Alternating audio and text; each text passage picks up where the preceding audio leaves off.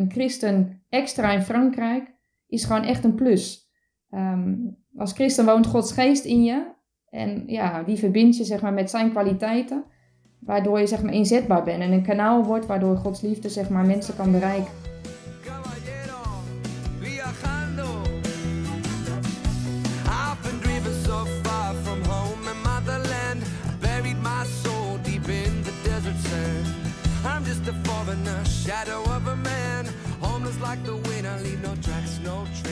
Welkom en leuk dat je luistert naar GZB Deel je leven. Een podcast van de GZB, een zendingsorganisatie in de Protestantse Kerk in Nederland. In vijf afleveringen geven zendingswerkers een inkijkje in hun leven. Mijn naam is Reinhard Molenaar en vandaag praat ik met Harriette Smit. In 2011 werd ze vanuit de Goudse Sint-Jans gemeente uitgezonden naar Bordeaux. Vier jaar later vertrok ze naar Aix-en-Provence om haar jongerenwerk voor de Franse kerk daar voor te zetten. Ik ben benieuwd hoe zij het leven als kerkelijk jeugdwerker ervaart in een land waar kerk en staat zo strikt gescheiden zijn. Ja, Harriet, welkom. Dankjewel. Je zit nu niet in Frankrijk, maar je bent in Nederland, hè? Ja, dat klopt, ja. En uh, de reden daarvoor is uh, iets minder leuk. Mijn uh, moeder is een paar weken terug gevallen. En de situatie zag er heel slecht uit. Dus mijn broers en mijn zus hebben me opgeroepen om terug naar Nederland te komen. met eigenlijk het idee ook om afscheid te nemen. En um, nou, tot op dit moment ben ik nog in Nederland. Omdat mijn moeder leek op te knappen. Toen kreeg ze inderdaad corona er ook overheen. Dus haar situatie is nog zorgelijk op dit moment. Wat ervoor zorgt dat ik eigenlijk nog in Nederland ben gebleven. En vanuit hier uh, mijn werk voor Frankrijk probeer te doen. En ondertussen er te zijn voor mijn moeder en voor mijn familie. En je kon dus wel zo snel uh, naar Nederland komen. Dat was op zich uh, ja. snel geregeld. Ja, op zich ging dat vrij snel. Tegenwoordig moet je wel allerlei coronatesten eerst doen voordat je Nederland ook weer binnenkomt. Ja. Maar um, in principe heeft dat even twee dagen geduurd voordat ik ook kon vertrekken. En ik ben met de auto gekomen, dus in dat opzicht had ik ook, was ik ook eigen baas. Uh, en was de Franse kerk daarin ook uh, coulant en ook de GZB uh, de ruimte te geven om ook naar Nederland te komen. en dat is gewoon heel fijn. Dat je gewoon juist in dat soort crisissituaties die stevig zijn als je op afstand zit en je familie raken, dat je er kunt zijn. En deel kunt zijn van het proces waar je familie doorheen gaat. En ja, de ruimte te krijgen om de laatste fase van je moeder ook mee te kunnen maken. Ja, precies. Want wij geven natuurlijk in deze podcast een inkijkje in het leven van mensen als jij. Mm -hmm. En um, ja, dan zitten we nu eigenlijk meteen ook in het familieleven. Wat me wel het meest, um, nou ja, spannende thema lijkt. Van hoe, hoe doe je, je, je woont al bijna tien jaar in Frankrijk. Hoe kun je zo close nog zijn met je familie al die jaren? Uh, dat vraagt wel inderdaad investeren. Uh, maar ook van twee kanten. En ik heb denk ik het geluk dat ik broers en een zus heb die uh, daar zeker aan bijdragen ook. En ook mijn moeder. dus er wordt wel veel gebeld en veel geappt. Dus dat is zeker een voorrecht. En ook internet met, uh, met bellen. Um, daarnaast ook dat mijn uh, zus bijvoorbeeld, die is elk jaar op vakantie gekomen in de buurt van Bordeaux toen de tijd toen te wonen. Oh, dus dat je ook momenten hebt dat je bewust ook jouw zeg maar, context kunt delen ook met je familie. Mijn moeder is ook twee keer geweest met een van mijn broers. Dus dat maakt het wel zeg maar, inzichtelijker en dichterbij. Um, ja. En het meeleven gewoon met verjaardagen ook op afstand. Ik denk dat het gewoon heel bewust is dat je daar ook voor kiest en tijd voor vrijmaakt. En tegelijkertijd um, was iedereen ook akkoord op het moment toen ik uitgezonden werd. Uh, en dat is denk ik ook belangrijk, dat je als gezin ook uh, ja, de steun geeft zeg maar, aan degene die uitgezonden wordt. En dat heb ik als heel positief ervaren. Tegelijkertijd mis je wel sommige hoogtepunten. Mijn neefje bijvoorbeeld deed uh, afgelopen september beleidenis. Ja, daar kun je dan niet bij zijn. dus dat volg je op afstand. En dat kan gelukkig nu met allerlei videobeelden die uitgezonden worden. Dus dat zijn wel dingen inderdaad die je soms mist. Um, en tegelijkertijd uh, ja, zijn er zoveel middelen vandaag in de dag via multimedia dat je toch dichtbij kunt zijn. Ja, en je zit uh, eigenlijk in een vakantieland om de hoek, hè? Ook dat, ja. Het is niet heel dat ver weg. Dat helpt natuurlijk ook wel. Nee. Is, is, krijg je daar niet ontzettend veel vragen over? Van waarom moet jij in Frankrijk voor de kerk gaan werken, zendingbedrijven? Nou, in het begin heb ik die zeker gehad. Um, maar ik denk het feit dat ik al vrij jong zeg maar, werkvakanties naar Frankrijk heb gedaan, vanaf mijn 18e en 19e, en daar eigenlijk altijd over gedeeld heb, um, dat mijn omgeving eigenlijk wel bekend was met de situatie van Frankrijk. Dat het een vakantieland is, maar uh, de kerkelijke situatie uh, totaal anders is dan Nederland. en dat er eigenlijk een geestelijke nood is, waarin een bijdrage via extra werkers alleen maar een plus zou zijn. Zeker voor de, voor de kinderen, de tieners en jongeren. Omdat ja, structureel jeugdwerk, zoals wij dat kennen in Nederland en vrij goed georganiseerd is, veel kleiner is in Frankrijk. Of soms niet georganiseerd is omdat er een jeugdleiders ontbreekt. Dus in dat opzicht uh, zijn mensen al meegelopen in mijn proces en eigenlijk bevestigd hebben van, joh Harriet, het is ook logisch dat je nu gaat, toen het moment daar was. Uh, tegelijkertijd zijn er zeker mensen, ook in Frankrijk, die zeggen, joh, wat kom je hier eigenlijk doen?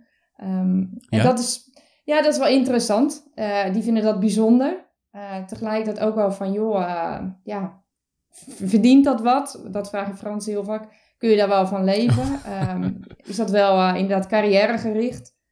En tegelijkertijd zijn ze ook alweer geraakt dat je juist vanuit een land als Nederland komt en er bewust voor kiest om in hun land ja, deel van hun te zijn en de kleine kerk te steunen. Ja, wat recht toe, recht aan dat Fransen dat zomaar aan je vragen. Ik dacht dat Nederlanders zo direct waren. Nou, dat is wel grappig, want men zegt altijd dat ja, Fransen zijn soms wat wollig in hun vragen. Maar op dit soort vlak kunnen ze best heel concreet uh, dingen aan je vragen. De andere kant is dat ze zelf over die vragen niet zo heel makkelijk een antwoord geven. Dus dat is een beetje het grappige. Zij zullen zelf nooit vertellen bijvoorbeeld uh, nou ja, wat ze verdienen of uh, nou ja, goed, weet je wat voor carrièregerichte plannen ze allemaal nog hebben. Dat is echt wel iets privés, zeg maar. En leef je daar ook een beetje het goede leven met croissantjes als ontbijt en laissez-faire, laissez-passer, een beetje dat... Ja, ik denk wel dat ik het Franse leven, dat, dat, gewoon, dat ik dat wel ontdekt heb en ook wel eigen heb gemaakt. Ehm, het is minder gestrest. Um, de croissantjes eet ik niet elke ochtend. Dat is voor mij voor de zondagochtend. Dat is echt de dag, uh, de dag van de Heer die ik daarmee markeer. En daar soms ook deel, uh, iets van uitdeel, zeg maar. Ik heb een buurman, Christian, die is 77 en die heeft niet meer de mogelijkheid om zelf naar de bakker te gaan. Dus dan zet ik altijd een croissantje op zondagochtend ook voor zijn deur. En dat is voor mij een beetje het delen ook, zeg maar, in de, ja, in de zondag, het, het samen zijn. Uh, ja, de dag zeg maar een mooi randje geven. Daarnaast uh, zijn Fransen ook, uh, het eten is heel belangrijk. Dus dat doen we ook heel veel met elkaar. Een aperitief, dat is ook echt Frans. Dus dat je je dag gewerkt hebt. Rond een uur of vier of zo, toch? Dat je nou, aan het einde van de werkdag hebt. Ja, ietsje later. Meestal om zes uur komen ze dan thuis, tussen zes en zeven. En dan ja, hef je het, een glas zeg maar op het leven. en deel je eventjes de dag met elkaar. En dat zijn wel markante dingetjes die ik wel heel erg waardeer. En die ik bijvoorbeeld op dit moment in Nederland soms ook al mis. Omdat we hier uh, in Nederland natuurlijk om zes uur al aan tafel gaan. Terwijl in Frankrijk zit ik meestal pas om acht uur aan tafel. Dus je dag heeft een andere invulling, is meer, iets, iets meer relaxed. Uh, en als je s'avonds gaat eten daarna, heb je eigenlijk geen programma meer. En dat is wel heel fijn. Dat je gewoon... En met wie heb jij het glas aan het einde van de dag dan? Nou, soms is dat met uh, buurman Christian, die 77 is. Uh, soms is dat met Bea en Guillaume. Dat zijn mensen ook die in mijn flat wonen. Dus dat doen we soms op het balkon. En dan zit bij buurman Christian, die woont naast hun. En dan doen we het op het balkon, ook corona-proef. En, en dat is gewoon, ja, dat is gewoon mooi. Het is gewoon eenvoudig. Maar je hebt genoeg aan een glas, een fles en wat hapjes. En je kunt het leven delen. En, um, en dat zijn wel belangrijke momenten die de Fransen zich eigen hebben gemaakt. Dat de eetmomenten zijn belangrijke deelmomenten. En daar neem je ook de tijd voor. Dus wij eten tussen de middag niet uh, in 20 minuten je boterham op. Maar mensen nemen gewoon de tijd om inderdaad even te eten. Soms gebeurt dat in de restaurants. Uh, en soms gewoon op het kantoor. en dat vind ik mooi. Dat men bewust zeg maar, daarvoor kiest. En zo momenten neemt om er voor elkaar te zijn. Ja. Ja, ik kan eindeloos over eten praten, maar één vraagje nog. Wat is jouw favoriete Franse gerecht? Mijn favoriete Franse gerecht is denk ik ratatouille. Vind ik heel lekker met, ah, met vis. Of couscous. En dat is op zich niet heel Frans, maar in het deel waar ik woon is dat wel uh, vermengd zeg maar, met uh, de Noord-Afrikaanse invloeden. En wordt dat wel volop gegeten. Ja, want in Aix-en-Provence wonen veel Noord-Afrikanen, Algerijnen, Marokkanen. Klopt, ja. En, en Turken, ja. En Tunesiërs. Merk je nu sinds je daar woont een heel groot cultuurverschil ook weer met Bordeaux? Nou, zeker in het begin. Bordeaux um, is gewoon een grote stad, dus uh, het is gewoon best wel wat internationaal ook. Um, grote stad ook. Dus de, de stad is veel breder opgebouwd. De mensen zijn eh, wat opener qua contact, nodig je wat makkelijker uit. Uh, tegelijkertijd om echt binnen te komen bij mensen in Bordeaux, dat kostte tijd. Maar als je eenmaal binnen was en een vriendschap had gesloten, dan ja, was dat bijna blijvend. En dat merk ik ook dat de contacten uit Bordeaux er gewoon nog zijn. Uh, en die gewoon zo heel duurzaam zijn. In uh, X is dat anders. De mensen zijn ja, iets gehaaster, maar ook gewoon minder geïnteresseerd in gewoon iemand als ik die van buitenaf komt. dus dat kost tijd om echt zeg maar, bij de ander binnen te komen. Soms lukt dat en is het vrij oppervlakkig. Dus diepgaande gesprekken, dat heeft gewoon meer tijd nodig dan in Bordeaux. Um, de cultuur is ook wel anders, omdat er veel meer Noord-Afrikaanse mensen zijn, zeg maar in Aix, ook in de wijk waar ik woon. Uh, terwijl dat in Bordeaux meer Portugezen en Spanjaarden waren en Fransen zelf. Ah, ja. Dus daarin merk je ook wel andere culturen die meekomen. Dus het verschil zit denk ik meer in de mentaliteit van de mensen. Uh, die in Bordeaux iets vriendelijker was, voor mijn gevoel. En in Aix meer wat vijandiger. Uh, en daar moet je gewoon even doorheen prikken. Is dat ook omdat ze aan het overleven zijn? Dat ze het economisch wat minder hebben? Of... Ja, het is ook een beetje, ze noemen dat ook de mentaliteit van het zuiden. Um, mensen zijn gewoon heel erg op zichzelf gericht. Familie is gewoon heel belangrijk. Uh, en men staat gewoon iets minder open, zeg maar, voor de mensen van buitenaf. Het is wel zo dat uh, Bordeaux meer, zeg maar, een chicere stad is. Dus er ook wel meer mensen met uh, goede banen zaten. Terwijl in de wijk waar ik woonde, die vergelijkbaar is waar ik nu woon, was ook een verpauperde wijk, een beetje een achterstandswijk. Uh, waar mensen inderdaad wel te dealen hebben met uh, overleven, zeg maar. En gewoon financieel het gewoon niet heel breed hebben.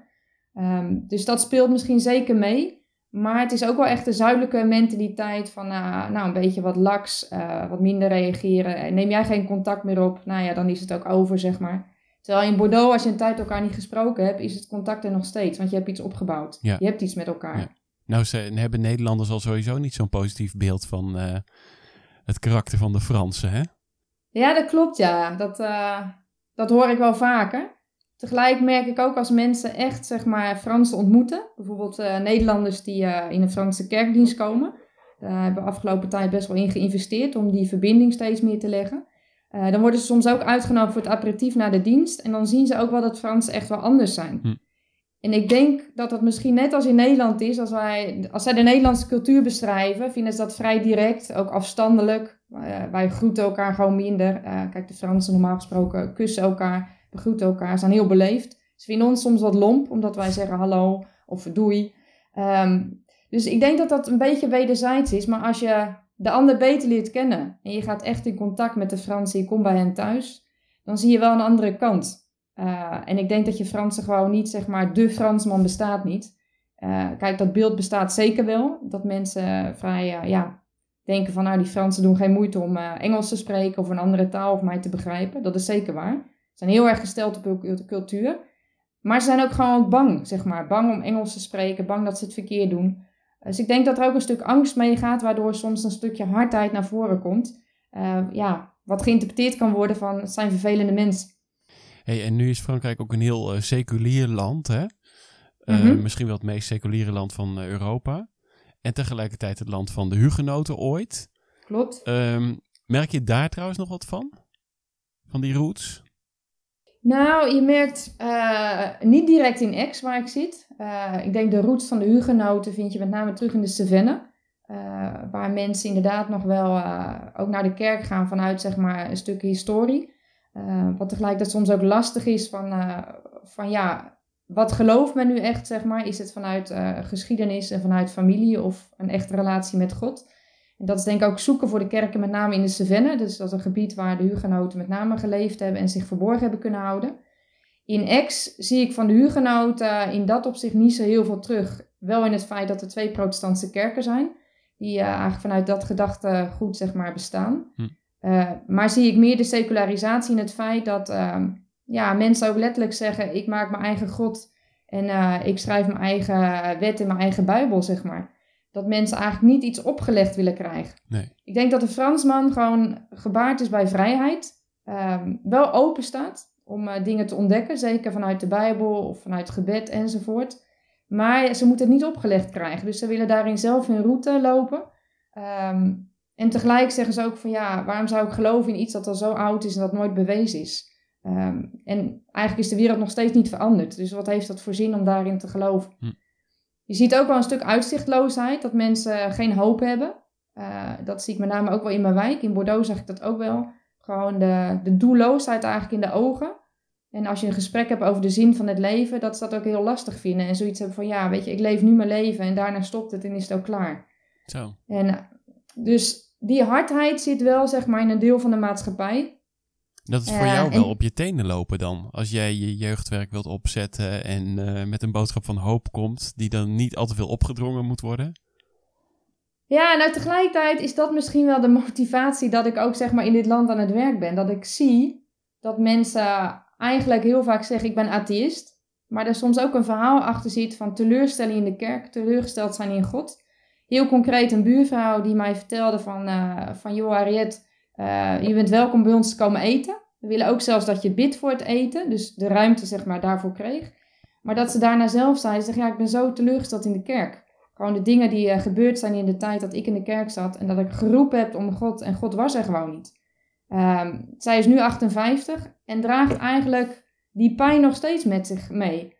Eh, er is geen ruimte om echt letterlijk het gesprek aan te gaan over God en de Bijbel. Maar tegelijkertijd, door aanwezig te zijn en de liefde van God als het ware uit te delen, door te investeren in, in buurschap, in buurvriendschap, eh, er te zijn zeg maar, op momenten dat ze een ander nodig heeft. Ja, hoop ik en geloof ik ook dat God daarin iets laat zien van wie hij is. En, uh, en tuurlijk is het lastig om dingen op te zetten. In Bordeaux hebben we een kinderclub opgezet in de wijk, omdat daar de verbinding was, zeg maar, de verbinding met de kerk en de wijk te leggen. Uh, en dat riep best wel heel veel weerstand op. Uh, in de kerk, want ja, moeten we de mensen uit die wijk die toch heel anders zijn dan ons eigenlijk wel in ons kerkgebouw hebben, is dat onze opdracht. Uh, tegelijkertijd ook de mensen vanuit de wijk van ja, wat gebeurt er in zo'n kerkgebouw? Uh, en tegelijkertijd zijn er heel veel kinderen gekomen. En uiteindelijk ook ouders die juist door hun kinderen eigenlijk in contact kwamen met wie, ja, wat is de kerk, wat doen ze daar, uh, wat geloven ze, wie is God. Dat ik juist ook wel zag dat er echt wel ruimte ook is. En dat Fransen echt wel op zoek zijn naar een stuk houvast in hun leven. Alleen dat dat wel, uh, hoe zeg je dat? Dat ze de mogelijkheid krijgen om het zelf te ontdekken. Dus dat je ze wel meeneemt, zeg maar, en eigenlijk begeleidt op hun zoektocht in het leven. Um, heel concreet denk ik ook aan mijn buurvrouw Lidie. Die heeft tijdens de coronacrisis, de eerste lockdown, een enorme psychi psychische crisis gekregen. Is opgenomen in de psychiatrie. En ik heb eigenlijk heel de tijd contact gehouden met haar via WhatsApp. En we zijn ook op bezoek geweest met een buurman. En dat was best wel heel aangrijpend. En tegelijk zei ze, Harriet, wil je voor me bidden? Want ik geloof dat ik dat nodig heb. En dat heb ik beloofd. En toen ze uiteindelijk uit de psychiatrie kwam na tien weken. Toen zei ze, als ik daar weer beter ben en het weer zie zitten, wil ik met jou mee naar de kerk. Zo, ik heb de video's bekeken op WhatsApp, tenminste op uh, Facebook die ik postte van mijn kerk. Ze zegt, uh, niet dat ik nu gelijk geloof, zegt ze, maar ik wil wel ontdekken wat jij nu gelooft, omdat ik zie dat het jou houvast geeft in je leven. Nou, en daarin geloof ik echt dat je leven delen met de mensen om je heen, niet altijd met woorden, maar door wie je bent, uh, door kleine, ja, kleine acties of attenties, dat je mensen wel zeg maar in beweging kunt zetten. Ja. En dat God daardoor heen werkt. Um, en dat zie ik denk als mijn, ja, hoe zeg je dat, verlangen ook in Frankrijk en we zijn in Frankrijk. Een christen extra in Frankrijk is gewoon echt een plus. Um, als christen woont Gods geest in je en ja, die verbindt je zeg maar met zijn kwaliteiten, waardoor je zeg maar inzetbaar bent en een kanaal wordt waardoor Gods liefde zeg maar mensen kan bereiken. Um, en dat is mijn motivatie, denk tot nu toe, dat ik ook in Frankrijk nog steeds aan het werk ben. Juist om de jongeren, om de kinderen en tieners en jongeren, omdat die kwetsbaar zijn. Uh, niet makkelijk is als je wil geloven en staande te blijven in de Franse maatschappij, omdat je vaak een eenling bent. Uh, en dat het dan juist belangrijk is dat je een groep vrienden, christelijke vrienden om je heen hebt in de kerk waar je bij hoort.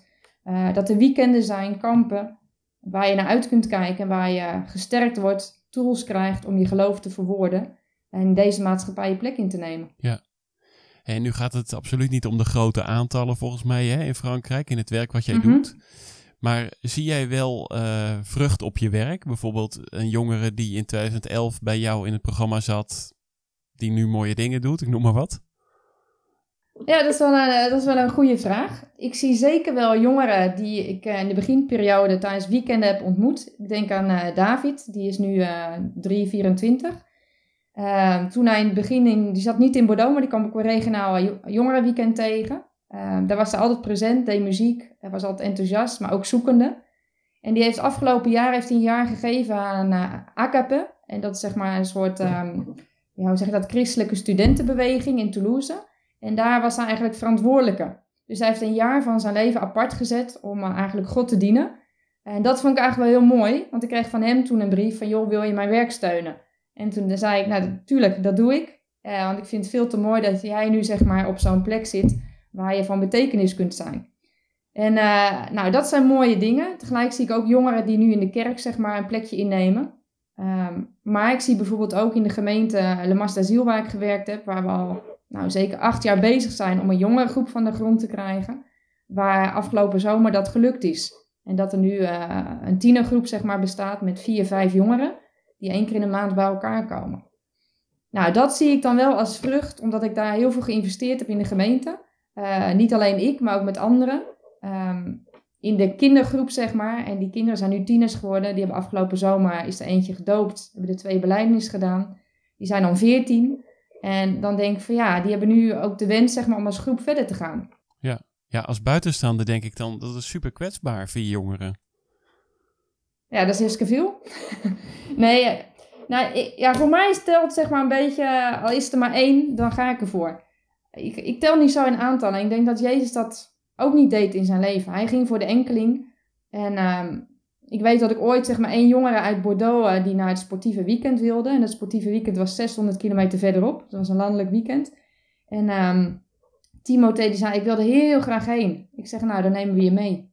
En uh, dat hebben we georganiseerd. En hij heeft deelgenomen. Hij heeft een fantastisch weekend gehad. Omdat hij altijd de enige was in zijn klas. Was hij daar deel van een groep van 120 positieve christelijke jongeren. Ja, dan denk ik, dan zijn die 600 kilometer het maar echt wel waard. En, uh, Dan ga jij gewoon even brengen. Ik ben mee geweest en dat weekend ook gebleven en ook van betekenis geweest omdat je dan een groep kan leiden enzovoort. Maar ja, dat zijn keuzes die je maakt um, die gewoon cruciaal zijn. Omdat die jongen, zeg maar op dit moment, hij heeft heel recent zijn moeder verloren. Uh, en hij ook zegt, mijn geloof is wel maar hou vast nu. En ik denk dat dat gewoon heel belangrijk is, dat we, we willen heel graag grote aantallen zien. En dat ken ik ook vanuit Nederland. Ik heb ook al in het jeugdwerk gezeten en floreren met groepen van 50, 60. Um, maar in Frankrijk zie ik dat het kleine, zeg maar, dat dat telt. Um, en dat vier jongeren, als die bij elkaar zitten, dat je een fantastisch moment kunt beleven. Want je kunt wel heel bewust investeren. Je kent de jongeren, je kunt met ze optrekken, je kunt meeleven. En zij zijn wel straks de leiders weer van de kerk, dat hoop je. Dus de bagage die je nu meegeeft, die is cruciaal voor hun eigen leven om uh, volwassen te worden en straks zelfstandig zeg maar uh, hun plaats in de maatschappij ook in te leven. Ja, mooi. En, en is het nu zo dat je jouw expertise die je bij de HGB opgedaan hebt ook prima daar kan inzetten? Of zeg je van nee, ik moest echt alles overboord zetten en het helemaal opnieuw gaan uitvinden in zo'n andere cultuur?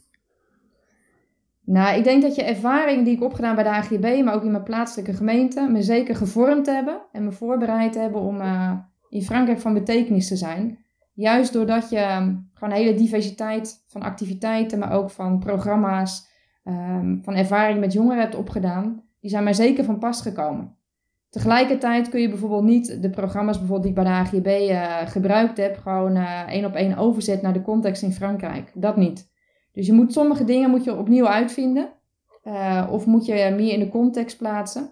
Um, maar ik heb dat meer gezien als een voortvloeiende zeg maar, lijn vanuit zeg maar, datgene wat ik, uh, ja, wat ik geleerd heb in Nederland. En dat dat mij een plus heeft gegeven.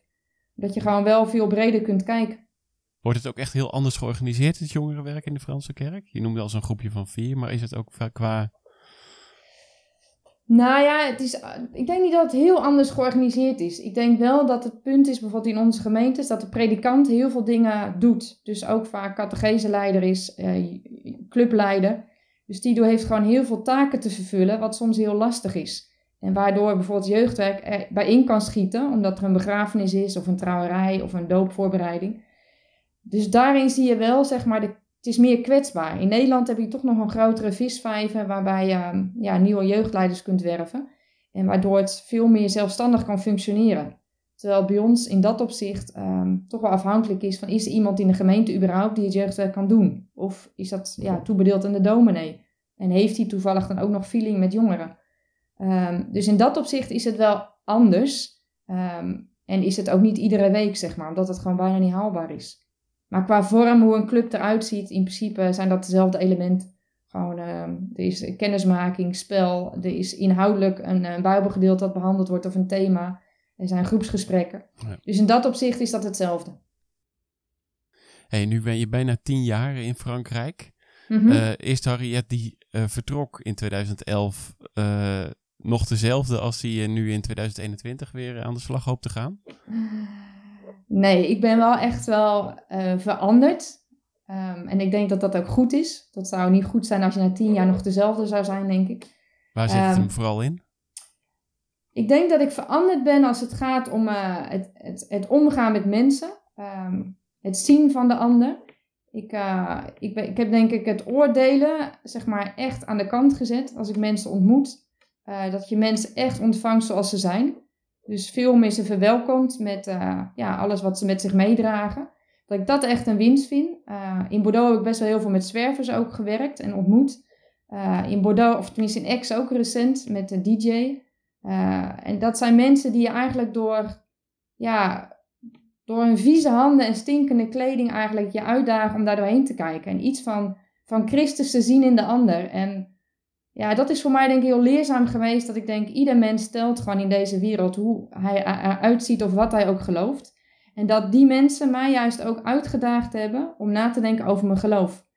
En ik denk het grootste wat veranderd is, is denk ik ook mijn eh, geloof. Niet inhoudelijk. Ik denk dat de, de inhoud gewoon nog hetzelfde is en de boodschap waar ik achter sta. Maar de manier waarop ik geloven vorm geeft en wie God daarin is voor mij, dat is wel veranderd. Ik zie God veel meer als een God van liefde. Een God die eh, genadig is. Een God die present is. Een God die, eh, ja, die je helpt, zeg maar, op momenten dat je ook als zendingswerker alleen bent of voor lastige uitdagingen staat. Ehm, dus ik heb daarin meer de grootheid, denk ik, en de wijsheid van Gods grootheid en liefde eh, veel meer ervaren. Eh, veel meer gezien ook. Ehm, me daarin ook gesteund voel. En ik denk, de bagage waar ik mee vertrok, van toch wel een beetje een passend geloof, wat altijd klopte, eh, dat ik dat kwijtgeraakt ben. En, en dat bedoel ik met kwijtraken niet negatief. Ik denk dat ik daar heel dankbaar voor ben. Omdat er gewoon zoveel goeds eigenlijk voor in de plaats is gekomen, waardoor mijn geloof veel sterker is geworden. Ehm, ik ben ook heel erg uitgedaagd door mensen ook in mijn flat. Mijn context is niet christelijk. Dus ik heb weinig christelijke mensen om me heen. In Bordeaux zat ik nog bij een plaatselijke kerk, zeg maar, waar mijn taak ook in lag. Dus daar was je veel meer verbonden. Terwijl in Aix ben ik wel verbonden met de lokale gemeente, maar ben ik veel op reis. Dus ik ben soms nou ja, weken niet in Aix, omdat ik elders werk in gemeentes. Dus ja, de mensen in mijn flat zijn niet per se christelijk. En die vragen wel van, joh, waarom doe je dit? Of waarom geloof je dat? En uh, nou ja, die God van jou, weet je, waarom gebeurt dit in de wereld? En had die God van jou dat niet kunnen stoppen? Dus je bent veel meer bevraagd op je geloof, wat ik in Nederland eigenlijk nooit gehad heb. Waardoor je eigenlijk geloofde wat je ontvangen had en daar ook wel uitleefde. Maar ik sta er denk ik nu gewoon ja, echt anders in. Positiever, maar ook wel sterker. En dat ik zie dat God gewoon, uh, ja, dat God zo groot is in zijn liefde. Dat hij mensen ook op je pad plaatst waar je van betekenis mag zijn. Maar ook mensen op mijn pad plaatst die mij helpen. De vragen te stellen van het leven, die mij bemoedigen. Um, omdat ik ook merk, je hebt ook oplaadplekken nodig. Ja, daar en, was ik benieuwd naar. Hoe laat jij op? Ja, nou en als zendingswerker uh, is dat wel lastig. Ik was, uh, ik was de eerste zeg maar, vanuit de GZB die naar Frankrijk uitgezonden werd. Dus ook uh, de enige lange tijd. Afgelopen jaar is familie Lustig uitgezonden, dus dat is een plus. Um, maar ik heb me daarin wel alleen gestaand gevoeld. de kerken die met mij meeleven, die ondersteunen me. Die bidden altijd regelmatig voor me. Die sturen ook bemoedigingen. En dat is super waardevol, deelgenotenproject. Um, tegelijkertijd zit je in je context in je eentje. En ja, moet je het hebben van de mensen om je heen. En ik heb daar, ja, daarin het geluk gehad met collega's te werken. Die zeiden van Harriet, wij zijn er voor jou. Um, met wie je geloof kon delen, die gewoon ook met je meelopen. Maar die ook maar de tip gaven, doe af en toe ook gewoon een retraite. En dat doe ik ook regelmatig in een katholiek klooster. Waar ik echt een thuis heb gevonden. Uh, dat is uh, niet heel dicht bij Aix, dat is iets van 700 kilometer verderop. Maar dat combineer ik soms als ik werkbezoeken doe in die regio, waarvan ik heel bewust kies om dat ook te doen. Um, en daar heb ik een begeleider ook, die de vraag stelt, maar ook bewuste stilte op zoek om naar God te luisteren. En mezelf weer te laten voeden, zodat je ook van daaruit weer kunt uitdelen. En dat heb ik wel geleerd, dat die momenten wel heel cruciaal zijn, omdat je als zendingswerk toch in een gevende taak zit. En ontvangen in de kerk waar je vaak zit heel lastig is, omdat je ingeschakeld wordt. Ja, en kom je ook aan wat, eh, om zo te zeggen, oppervlakkige ontspanning toe? Zeker, zeker. Ja hoor. Ehm, ik fiets heel graag en ik wandel heel graag. Dus eh, de omgeving van Ex is daar heel positief in. Eh, de zee is dichtbij, de bergen zijn dichtbij. Dus eh, dat zijn voor mij wel de momenten om erop uit te gaan. Of met vrienden dingen te doen. Of met de mensen uit de buurt samen te eten. Dat zijn wel ontspannende momenten, zeg maar, die je ook gewoon nodig hebt. Dus het geestelijke en het ontspannende gaat ook samen. Ja. Ehm, maar goed, echt vakantie of zo, dat zijn altijd wel, wat lastige dingen. Dus daarin ben je gewoon ook een beetje afhankelijk van de mensen die eh, of in de buurt op vakantie zijn of familie die voorbij komt. Ehm, dus dat is wel waar dat dat lastiger in te vullen is. Ehm, en dat je daar minder ook de ruimte voor kiest, zeg maar, om eh, ja, op vakantie te gaan of echt eh, daar de tijd voor te nemen. Dus ik merk zelf dat als ik in een andere regio aan het werk ben, bij een collega bijvoorbeeld, dan eh, verblijf je daar soms een week. En dan heb je ook wel momenten dat je gewoon ook even wat anders doet met elkaar. Dus dat is ook gewoon goed. Dat je even erop uitgaat of even wat drinkt ergens. Hey, en zie jij je eh, de komende vijf jaar bijvoorbeeld eh, ook nog wel echt op deze plek? Ehm, dat is een hele goede vraag, want dat ligt op dit moment eh, ook open. Dat is denk ik ook goed om te melden dat je als zendingswerker ehm, zeg maar geen zekere toekomst hebt. Die is ook weer afhankelijk van je organisatie en ook afhankelijk van je, de partner voor wie je werkt in het buitenland. Op dit moment is het feit dat mijn eh, contract eind augustus eh, eh, komend jaar zeg maar, af gaat lopen. Dus er zijn op dit moment gesprekken bezig, omdat ik zelf heb aangegeven dat ik heel graag mijn werk nog zou willen voortzetten omdat het werk wat ik op dit moment doe samen met mijn Franse collega Joël voor het landelijke jeugdwerk van de Franse Kerk bestaat uit ondersteunen en toerusten van de gemeentes, het ontwikkelen van nieuw materiaal en uiteindelijk zeg maar, moet dat ook in de gemeentes ingewerkt worden. En we zien dat er best wel heel veel behoefte is nog om eh, een stuk begeleiding te geven aan gemeentes om stappen verder te komen, het materiaal zeg maar in te kunnen zetten, maar ook op pastoraal vlak om jongeren nabij te kunnen zijn. Dus ik zou heel graag nog daarin van betekenis willen zijn. Zeker in de gemeente waarvan ik noemde dat we de tienergroep opgezet hebben. Ehm, ja, om het werk af te maken. In Bordeaux heb ik die kans niet gehad. eh, omdat uiteindelijk ik uit mijn context werd gehaald voor een landelijke taak. Wat ook goed is geweest. Ehm, maar wat wel jammer is, omdat je je eigen werk niet hebt kunnen overdragen. En dat wil ik eigenlijk nu wel. Dat ik denk van nou, als het nog twee of drie jaar zou mogen. Om het werk goed af te ronden, ook met Johan. En dat we het kunnen voorbereiden dat iemand het overneemt. Ja, dat zou voor mij eh, ja, het ideale plaatje zijn. Ook gewoon om eh, ja, de mensen daar recht te doen. Maar ook omdat ik zie dat het gewoon nodig is. En dat je na tien jaar de relaties hebt, zeg maar, om grotere stappen te kunnen zetten.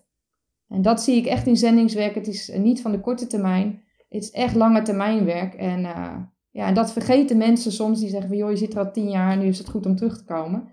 Terwijl ik juist geloof, het vertrouwen is er nu. En nu moet je doorpakken. Ehm, en dat zie ik gewoon nu, dat processen sneller gaan. En dat zou jammer zijn als je te zijn de tijd weer nieuw iemand gaat uitzenden die weer helemaal bij nul moet beginnen. Terwijl ik denk, ja, nu ligt de kans er om door te pakken. Om de kerk nabij te zijn en dat jeugdwerk net nog een stapje verder, eh, verder hoger op te brengen. En juist in deze tijd is het super belangrijk dat jongeren gezien en gehoord worden. En zij een generatie zijn die een toekomst tegemoet gaat, die meer onzeker is dan de onze en veel meer uitdagingen zal krijgen. Ja, en hoe kunnen Franse jongeren dan stevig in hun schoenen staan als gelovig christen? Dus ik denk dat toerusting heel belangrijk is en jongeren dat zelf ook aangeven. Van, eh, we hebben het nodig om weekenden te hebben kampen. Ja, en daar zijn wel eh, structuren voor nodig en ook teams, zeg maar, die aangestuurd worden. Ehm, dus Nou, dat ligt allemaal nog open. Dus in dat opzicht ben je als zendingswerker eh, ja, overgeleverd een beetje, zeg maar, aan, aan anderen ook. ja, ja. Nou, ik hoop eh, van harte dat je die ruimte krijgt komend jaar. Ja, dankjewel. En ik wil je hartelijk bedanken voor dit inkijkje in jouw leven. Graag gedaan, dankjewel.